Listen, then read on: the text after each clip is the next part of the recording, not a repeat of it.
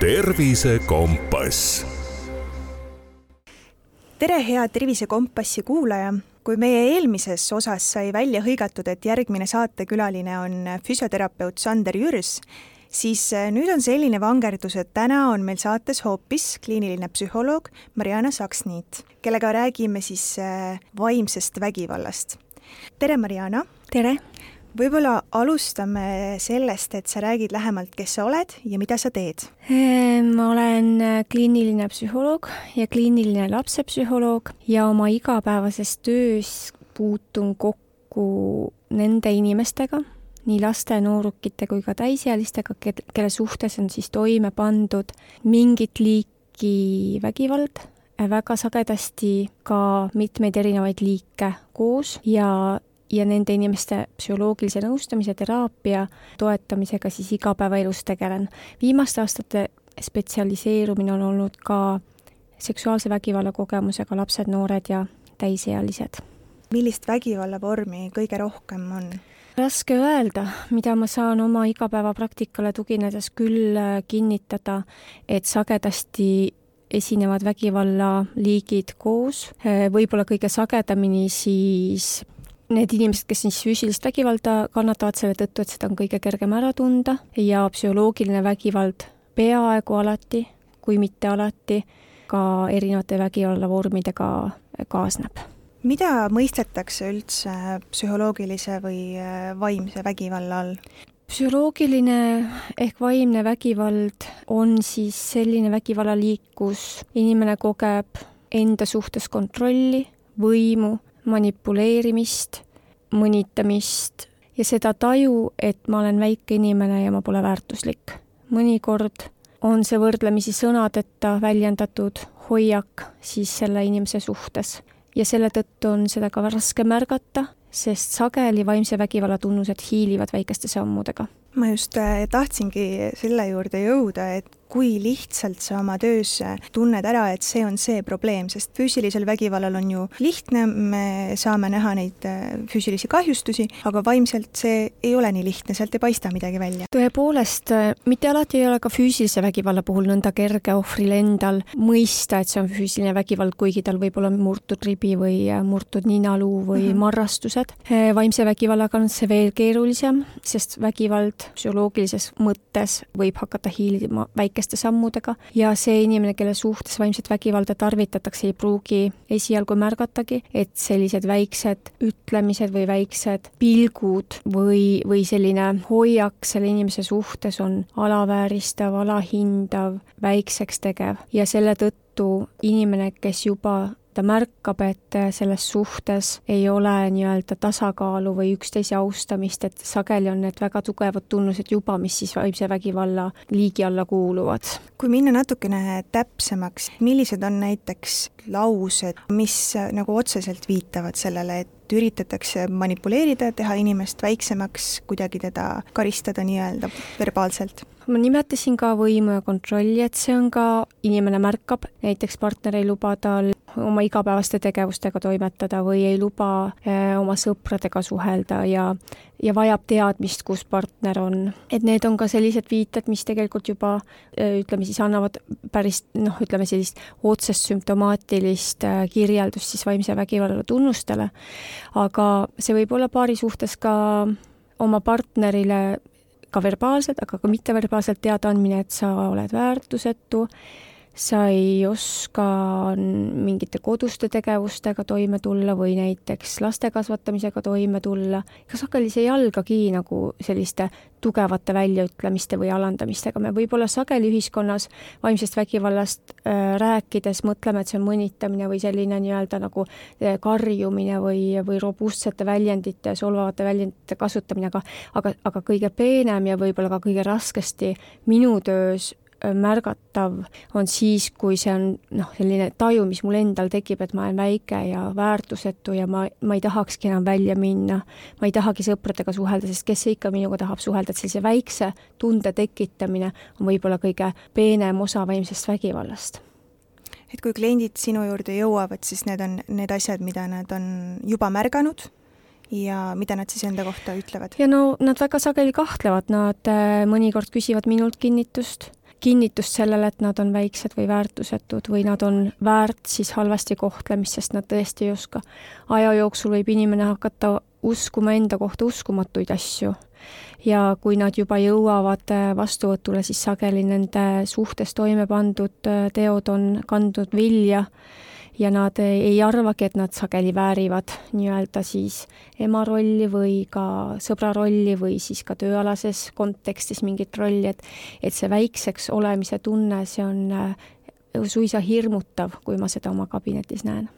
nii et see tegevus partneri poolt, kes siis äh, kasutab äh, vaimset vägivalda, peab olema ikkagi süstemaatiline ja konstantne selles mõttes, et kestma pikka aega, et äh, ohver just või siis harjuks sellega, selle mõttega. no jaa, see algab väikeste sammudega, kestab pikka aega, tunnuseid, mis võivad hakata isiksust mõjutama, noh, see on väga erinev, on, on inimesi, kes, kes ütlevad, et et nad on kaua aega näiteks siis äh, olnud lähi, lähisuhtevägivallas nii-öelda siis vaimse vägivalla toimepanijast nii-öelda partneriga koos, kooselus. Ja on neid ka, kes äh,, kes tegelikult, kelle aeg siis nii-öelda sellises suhtes ei ole olnud väga pikk, ehk et nagu see spekter on tõesti hästi lai ja, ja mida rohkem me ühiskonnas räägime nendest terminitest ja, ja ka sellest, mida see termin endas peidab ja et ka vaimse vägivalla puhul see termin ei ole mõnitamine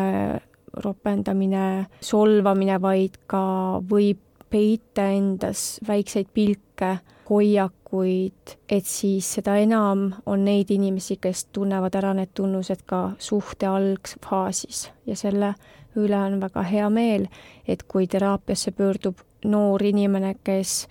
tuleb kahtlema, tuleb küsima kinnitust selle kohta, et kas see suhe on võrdsetel tasanditel olevate inimeste suhe või on seal mingid märgid, mis võivad viidata riskile, äh, siis see teeb rõõmsaks meele küll et ollakse tähelepanelikud enda suhtes ikkagi. ja, ja, ja võib-olla enda puhul on neid märke keerukam näha, sest kui ma lähen suhtesse, ma tõenäoliselt inimesest hoolin ja, ja sellel inimesel, kellest ma hoolin, on head tööriistad siis tegemaks haiget rohkem, kui me laseme eales juhtuda võõra inimese puhul enda suhtes. aga ka see, kui me märkame oma lähedasi kelle suhtes partner on üleolev. ja, ja see ei pea tingimata olema nõnda, et sõpruskonnas me märkame, et partner siis oma lähedasele inimesele ütleb solvanguid või alandab teda seltskonnas, mis on ka absoluutselt äh, sage ja mis on ka absoluutselt äh, spetsiifiline vaimse vägivalla tunnus, tunnuste hulk, eks aga ka see, kui partner seltskonnas äh, väikeste vihjetega viitab siis oma partneri saamatusele või väärtusetusele, et ka need on need tunnused, mida oleks väga oluline ära tunda oma lähedaste inimeste puhul ja anda siis äh, inimestele selle, selle, selle, sellekohaseid signaale, märkamaks siis selle suhte kvaliteeti ja, ja neid võimalikke raskusi, mis selles suhtes võivad kanda, kinnitada millised äh, on äh, selle inimese omadused, kes kasutab teise inimese peal vaimset vägivalda? ta sageli vajab kontrolli, vajab võimu, ta võib sageli olla kõrgemas, ütleme keskmisest kõrgema enesehinnanguga, ta võib väljendada ennast võrdlemisi enesekindlalt. ehk et see praktika, mis minul on nii vaimse, füüsilise, seksuaalse, majandusliku vägivalla erinevate liikide puhul väga sagedasti vägivalla toimepanija on verbaalselt osav, ta on võimeline manipuleerima inimesi, sealhulgas ohvri lähedasi, veenmaks siis äh, ka teisi ohvri saamatuses, väiksuses ja, ja sellistes äh, vigades, mida ta siis esile toob. nii et äh, vaimse vägivalla toimepanija sageli on kontrolliv ta soovib omada võimu, ta võib olla seltskonnas äärmiselt galantne, tore ja seltskondlik, mis viib ka sageli vaimse vägivalla ohvri hirmuni, et äh, kui ma sellest räägin, siis mind ei usuta, sest mu partner jätab niivõrd hea mulje. ehk et võib-olla ka see viide, et kui üks inimene on seltskonnas niivõrd avatud ja rõõmus ja, ja, ja ütleme siis ka selliste otseste või kaudsete viidetega alandab oma partnerit, et see igal juhul on märk, mida, mida märgata ka oma lähedaste puhul. See on väga hea tähelepanek, mis sa ütlesid, et märgata, sest et kui inimene on seltskonnas väga avatud ja selline karismaatiline ja, ja näiteks ta on veel väga hea isa ja, ja nii edasi, et äh, siis teistel, kes lähe-, nende, selle paari lähedal seisavad, on kuidagi selline mulje, et aga sul on ju perfektne ja, partner. Nad võivad olla suisa lummatud äh, sellest inimesest, kes sellisel moel ennast väljendab ja vastupidi, siis äh, selle inimese partnerina võib väga sage olla see, et tema partner, kas siis naine või mees, seltskonnas hoiab just tagasi, hoiab just ennast vaos, võib-olla ta räägib vähem, äh, võib-olla ta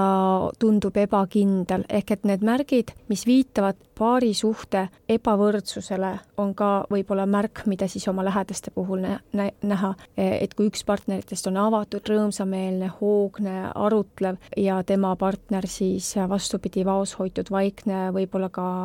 hirmul, võib-olla ka ebakindel. kas pigem kannatavad vaimse vägivalla all naised või mehed? statistikat on äh, raske öelda, mina valdavalt puutun kokku nende inimestega, kes on vaimse vägivalla ohvrid ja kes on naised, aga kindlasti ei välista, et see on äh, samuti suunatud meeste suhtes, naiste poolt. mina oma tööpraktikas valdavalt puutun kokku äh, naistega, kes on vaimse vägivalla ohvrid ja manipulatsioonivõimu ja kontrolli ohvrid, siis oma võimukate ja kontrolli vajavate partnerite poolt. kas ähm siis vaimne vägivald on äh, mõnes mõttes ka selline ohtlikum vägivallavorm, kui seda on füüsiline, et kui ta on pikaaegne, siis see ju tähendab, et, et ta muudab ka inimese psüühikat, tema isiksust, tema olemist üldse üleüldiselt no väga nõus, ühtegi vägivallavormi muidugi teisest ohtlikumaks või vähem ohtlikumaks pidada, noh, see on nii riskantne, see mm, -hmm. see on mhm. väga individuaalne, noh, minu tööpraktikas on inimesed füüsilise vägivalla tagajärjel surnud. vaimse vägivalla puhul sagedasti riskitegur on see, et see jääb kestma, sest kui inimene, kelle suhtes on part emotsionaalselt vägivaldne ja see, ja see algab väikeste sammudega ja see kasvab ajas, et siis tõepoolest see muudab isiksust ja, ja minu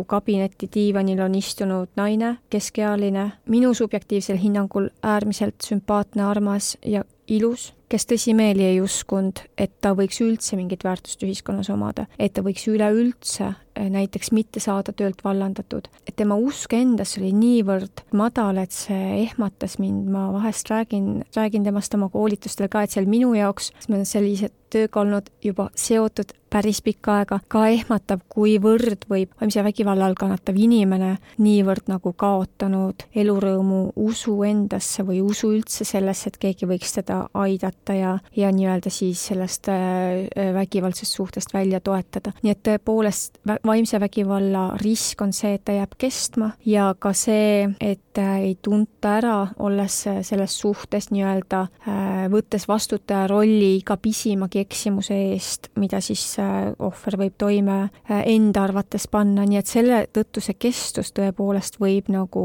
olla pikem. kui äh, sa tõid näite sellest naisterahvast, siis ähm, minu mõte jooksis just selle, selles suunas, et kui inimene on justkui enda enesehinnangul nii madalale langenud, et kuidas ja kui kaua läheb aega, et ta saavutaks selle taseme, et, et ta ikkagi on ühiskonnas väärtuslik see on ka väga individuaalne. minu praktikas on olnud neid äh, naisi, kes, äh, kes tõepoolest, kui nende jaoks on vähemalt üks inimene, kelle osas nad tunnevad ja tajuvad ja kuulevad, et see inimene teda usub ja et ta saab kinnitust, et ta ei ole hulluks läinud ja et ta saab kinnitust, et ta ei ole kõige madalam vorm maailma muna peal, et siis võib tõesti olla ka selliseid nii-öelda tuhastõusmisi, et nii-öelda see tervise taastumine võib olla ka tõesti, jah, see võib olla pikaaegne töö ja, ja, ja noh, kahtlemata ongi, aga et see enda jalule seadmine oma sotsiaalse võrgustiku toel on lihtsalt nagu noh, imekspandavalt efektiivne. ja on ka neid inimesi minu praktikas, kes tegelikult sellisest vaimse vägivalla tunnustega suhtest ei lahku, sest et, sest et see kinnitus, mis ühiskonnale anda on, noh, meie kõigi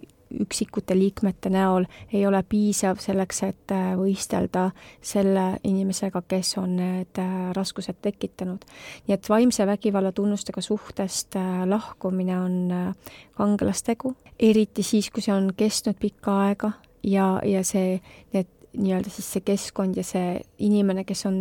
kes on neid tegusid toime pannud, on olnud oma töös ja tegemistes efektiivne, et siis ka on inimesi, kelle tervis ei taastu ja kes ka nendest suhetest ei äh, välju. mis nendest inimestest saab, mis sa arvad? ma väga loodan, et äh, mida rohkem me räägime, mida rohkem meil on ka organisatsioone, kes neid inimesi toetavad mida rohkem me ühiskonnas ei normaliseeri vägivalda, sealhulgas ka avalikult toime pandud ja väga kõrge positsiooniga inimeste poolt toime pandud vägivalda ei tolereeri, siis, äh, siis seda rohkem on äh, meie ühiskonnas inimesi, kes ei lase enda suhtes toime panna vaimset vägivalda. ja, ja me saame neid toetada, me saame juhtida tähelepanu, me saame olla olemas ka siis, kui, kui inimene läheb tagasi vaimselt vägivaldsesse või füüsiliselt vägivaldsesse või mis iganes vormiga vägivaldsesse suhtesse mitmeid kordi, siis talle jääb teadmine, et, et kui ta järgmine kord tuleb ära, siis on tal toetuspind olemas. see on see, mis me teha saame ja olla toeks, olla abiks, märgata juba esmaseid sümptomeid, märgata ja anda signaale oma lähedastele inimestele nende tunnuste osas, mis teevad meid ettevaatlikuks, et mitte peita pead liiva alla, ma arvan, et on juba meie ühiskonna võrdlemisi selline iseloomustav sõnade paar. nii et kui me selle eh, tegevusega jätkame ja oleme toeks ja abiks ja teadlikud, siis, siis ma usun, et on, on neid juhtumeid vähem, kust inimesed tõesti ei, ei oska välja tulla. aga miks minnakse tagasi, kui, kui see suhe on eh, niivõrd eh, toksiline ja ikkagi üks pool on kannataja, ta, ta tuleb, ta saab aru, et see probleem on aga ta ikkagi läheb tagasi? ma olen selles valdkonnas töötanud juba nii pikka aega, et ma saan veidi teha oma tööst tulenevat statistikat ja, ja kui need juhtumid, mis minu laual on, seal on, nendes peredes on ju lapsed. Ja need lapsed ju näevad, kuulevad, tajuvad. Ja kui nad kasvavad teadmisega, et et nad on ka väärtusetud või nende üks vanematest on nii tohutult väärtusetu, siis nad ju tea, nad lähevad selle teadmisega ise ka ju oma täiskasvanu ellu ja seal on väga suur risk, et see laps, kes on näinud oma ühte vanemat teist alandamas, halvasti kohtlemas, tema üle võimkontrolli omamas, võtab seda mustrit kui normaalsust. kui normaalsust. ja see on võib-olla meie ühiskonna kõige suurem risk. ma väga sageli näen oma töös neid ja kohtan, kohtun nende inimestega, kes ütlevad, et, et mu isa peksis ema või mu isa alandas ema ja mul ei ole täna nii hull. ja kui ta kirjeldab siis seda keskkonda ja seda suhet, milles ta on, siis, siis ma saan öelda, et see on ka päris hull. nii et kui on põlvkondade ülene vägivald ja need mustrid, mis äh, kanduvad edasi meie lastelt meie lastele, et siis see on kõige suurem risk, et, äh, et sellistes süsteemides ka inimesed normaliseerivad vägivalda ja võrdlevad nii-öelda siis oma kogemusi erinevates, äh, erinevates mudelites ja, ja see on suur risk, et kasvatakse üles teadmisega, et ma olen seda väärt ja see pole hullu kui lapsi kasutatakse sellise abivahendina justkui,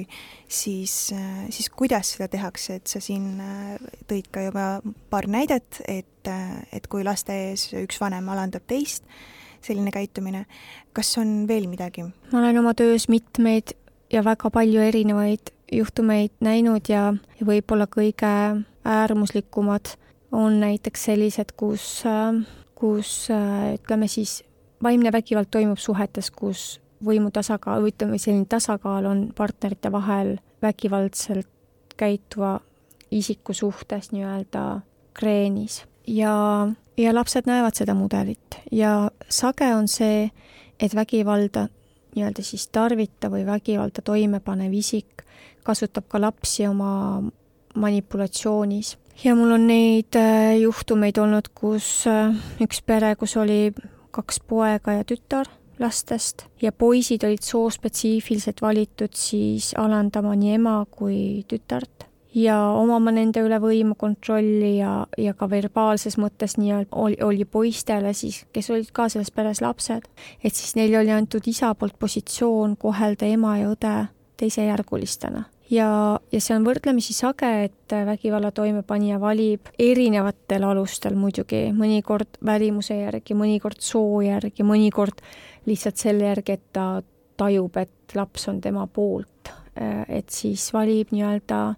partneri peresiseselt seda vaimset vägivalda toime panema teiste pereliikmete suhtes lapse suhtes justkui äh, tohutult ebaõiglane ja mittevajalik äh, siis valida pooli, et äh, kas ma olen ema poolt või ma olen isa poolt. jaa, see on kindlasti lapse jaoks väga keeruline olukord ja tal ongi väga raske võtta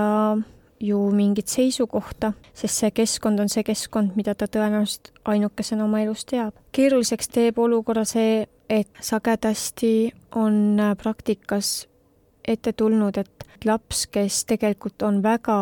ta, ta, ta mõistab väga, kui väär on see, mida näiteks äh, isa ema suhtes toime paneb. et mõistab, kui vale see on ja, ja ta, ta vihkab seda käitumist. aga ta ei julge selle kohta midagi öelda, selle tõttu, et ta teab, et siis saab temaga. minul on üks näide Tartust, äh, see poiss on neljateistaastane, kes äh, selgelt hoolib oma emast ja, ja ta tahab teda toetada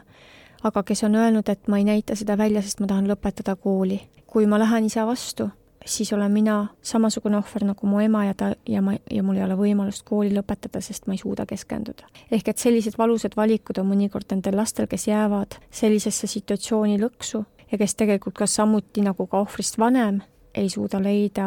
nii-öelda teed välja sellest suhtest äh, peremustri mõttes. jah, mitte ükski, mitte ühelgi lapsel ei peaks olema nii raske. kui ähm, ikkagi õnnestub äh, sellest äh, partnerist äh, või see abielu lahutada ja kui on ka lapsed, siis tõenäoliselt jäädakse neid kuidagi jagama, kas siis, kui just ohver on lõiganud läbi sellised tugevad suhted, suudab kuidagi manipuleeriv pool ikkagi kontrollida? kui me räägime suhtemustrist, kus on vaimse vägivalla tunnused ja ohvril õnnestub see kooselu lõpetada. väga sagedasti see ei ole manipuleeriva, kontrolliva ja võimu omava partneri eesmärk. väga sageli ei ole vägivaldselt käituva inimese eesmärk see suhe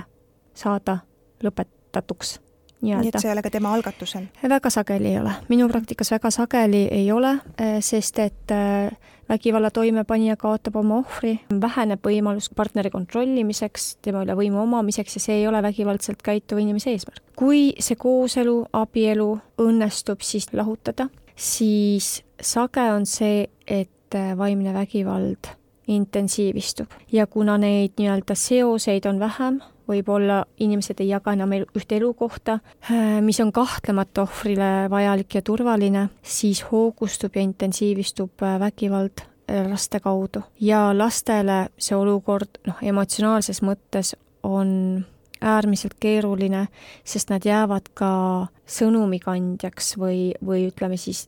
nende suhtes muutub see olukord veel intensiivsemaks. ja minu töös on olnud neid juhtumeid, kus, äh, kui on tõendatud äh, vägivalla nii-öelda tunnused, et ja lapsed on avaldanud, et nad ei taha, ei suuda või ei julge kohtuda oma vägivalla toime pannud vanemaga, et siis me ikkagi äh, püüame leida neile ka selle võimaluse, et nad saaksid kogemustest, mis nad on siis oma elu jooksul kogenud, et nendest ka taastuda nõnda, et nad ei pea vägivaldselt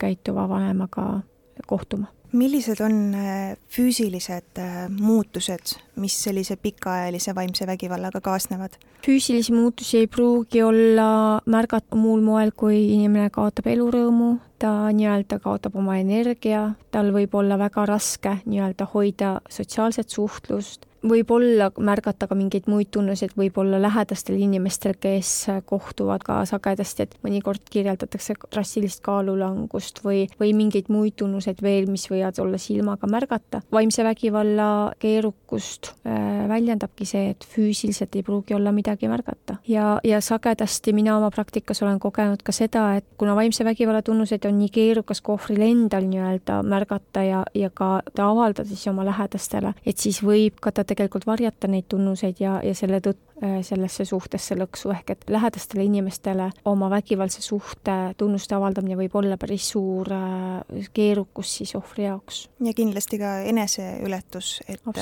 et rääkida midagi, mida võib-olla teine pool üldse ei usugi, et nii on mm. -hmm. jaa, meil on olnud selliseid väga palju häid kogemusi äh, juhtumites, kus tõesti ohver saab abi ja saab oma sotsiaalselt võrgustikult abi ja oma töökaaslastelt abi, aga meil on olnud ka neid juhtumeid, kus, kus lähedane inimene ütleb, et see ei saa võimalik, võimalik olla, et, et ilmselt sa mõtled selle välja, et sa, noh, et ikkagi, et sa oled muutunud ikka täitsa nagu selliseks imelikuks, et näiteks ohvri ema pöörab selja, sest et vägivalla toimepanija on olnud nii osav, et manipuleerinud ka ohvri lähedased tema vastu, nii et igasuguseid selliseid keerukusi on nendes juhtumites, millega ma olen töötanud. ja siis ei ole imestada, et kui ka ise tekib endal see mõte, et aga äkki ma siis olengi selline mm -hmm. või äkki ma olengi hulluks läinud ja see on kõik nii segane. see on väga sage lause, mida ma kuulen. kui me lähedaste juurde mm, jõudsime, siis milliseid soovitusi sa annaksid, et kuidas, kui on märgid, aga inimene ise ei räägi sellest või, või üritab seda teemat kuidagi vältida, kui, kui küsida mm, -hmm. et kuidas oleks see õige lähenemine, mis ei paneks seda lukku, mis ikkagi mm -hmm. aitaks äh, selle välja tuua, et, et ma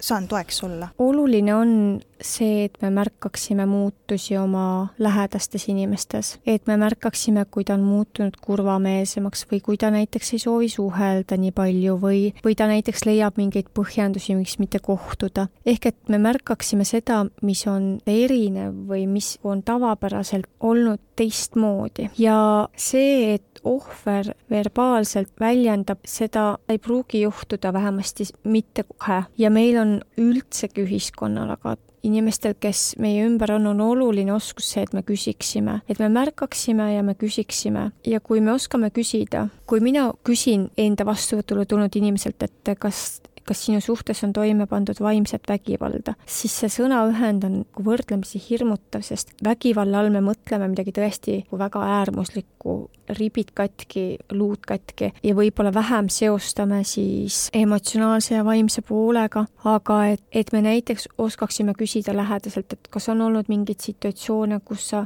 oma kodus oled hirmu tundnud? Või näiteks, et kas sa mõnikord mõtled, et et see suhe ei ole turvaline. ehk et ma soovitan kasutada sellist sõnavara, mis äh, kohvrit ära ei hirmuta. sõna vägivald on tugev sõna, see on absoluutselt õige sõna ja seda me peame ühiskonnas kasutama õigeid termineid õigete nähtuste kirjeldamiseks. aga ohver võib olla niivõrd sensitiivne ja niivõrd tundlik ja niivõrd hirmul, et ta ei pruugi seda tunnistada. ja kui teie lähedane ütleb siis äh, teile, et on olnud küll, kus ma kardan või on olnud küll selliseid olukordi, kus ma arvan, et minus ei ole mitte midagi enam väärtuslikku, et siis see on see, mis tegelikult ukse lahti jätab. ja sealt saab juba edasi minna ja tegelikult leida ka veel võrgustiku liikmeid, kes võiksid olla abiks. väga sagedasti ei saa selleks lähedane olla muul moel kui märgates ja, ja esmast abi pakkudes, ka, aga saab otsida võrgustikku juurde inimesi, kes on kokku puutunud selle teemaga ja kes ka naiste tugikeskuste juures on väga palju häid nõustajaid, kes, kes saavad olla ohvrile abiks pildi selgeks selgemaks äh, mõtlemisel, et mitte jätta üksi, mitte jätta isolatsiooni, püüda hoida kontakti, anda mõista, et äh, ma usun, anda mõista, et tõenäoliselt pole see hulluks läinud. Need on kõik väga olulised ja väga-väga vajalikud ja, ja elu päästvad äh, oskused. Kui tihti sa näed oma töös sellist mustrit, et on siis meespool, kes äh, käib tööl, kogu majandusliku osa eest vastutab, naine on lastega kodus ja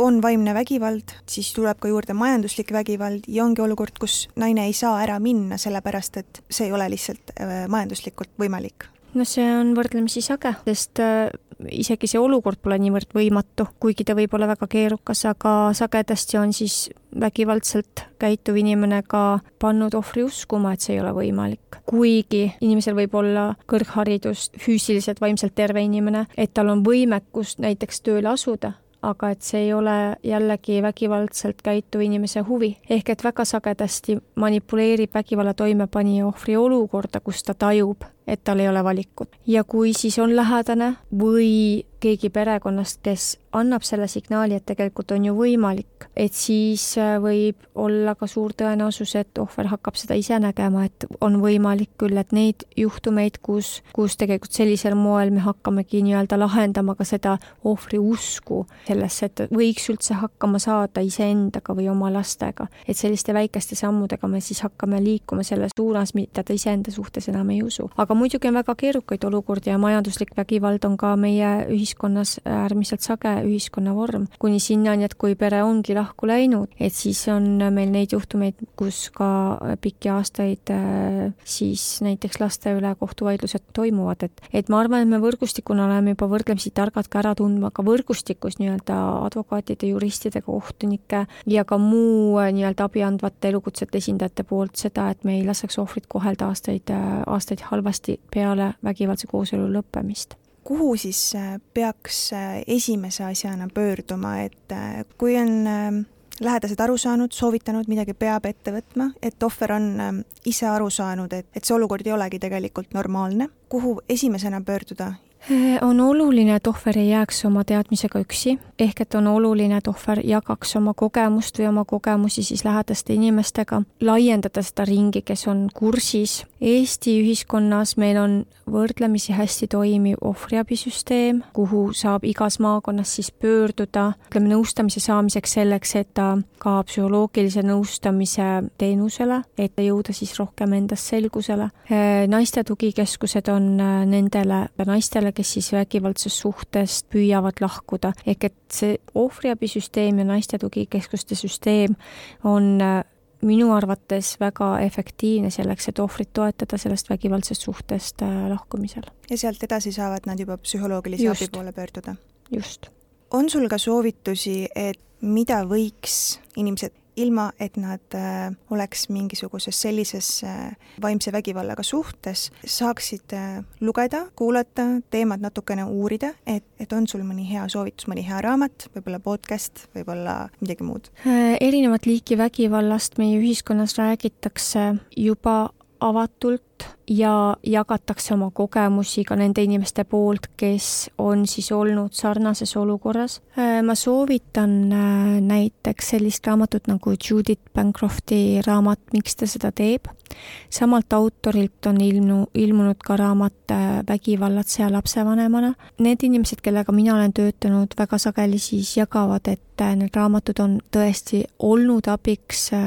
selle enda olukorra nägemisel. erinevaid podcast'e on tõesti nendelt inimestelt, kellel on olnud endal vägival-, vägivallakogemus. minu hea kolleeg Merli Kaunissaar, kes on rääkinud oma vägivallakogemusest äh, oma eelmise partneriga. nii et neid inimesi, kes jagavad oma kogemust, äh, neid äh, kogemuslugusid ma soovitan kuulata ka tegelikult peaksid teemaga kursis olema kõik inimesed selle jaoks, et siis märgata, hoiduda nend sellistest äh, suhetest või siis äh, võtta midagi ette, kui juba ollakse, et tõstatada seda rohkem ja olla teadlikum vaimsest vägivallast. võib-olla lõpetuseks siis äh, seda, et me, me ei normaliseeriks, ühiskonnas on meil palju eeskujusid ka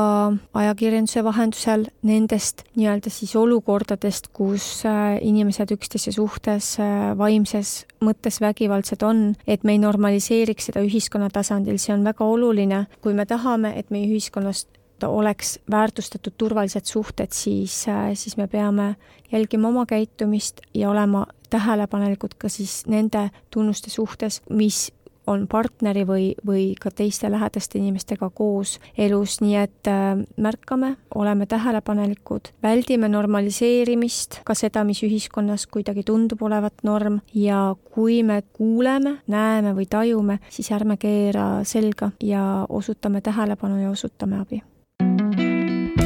tervise kompass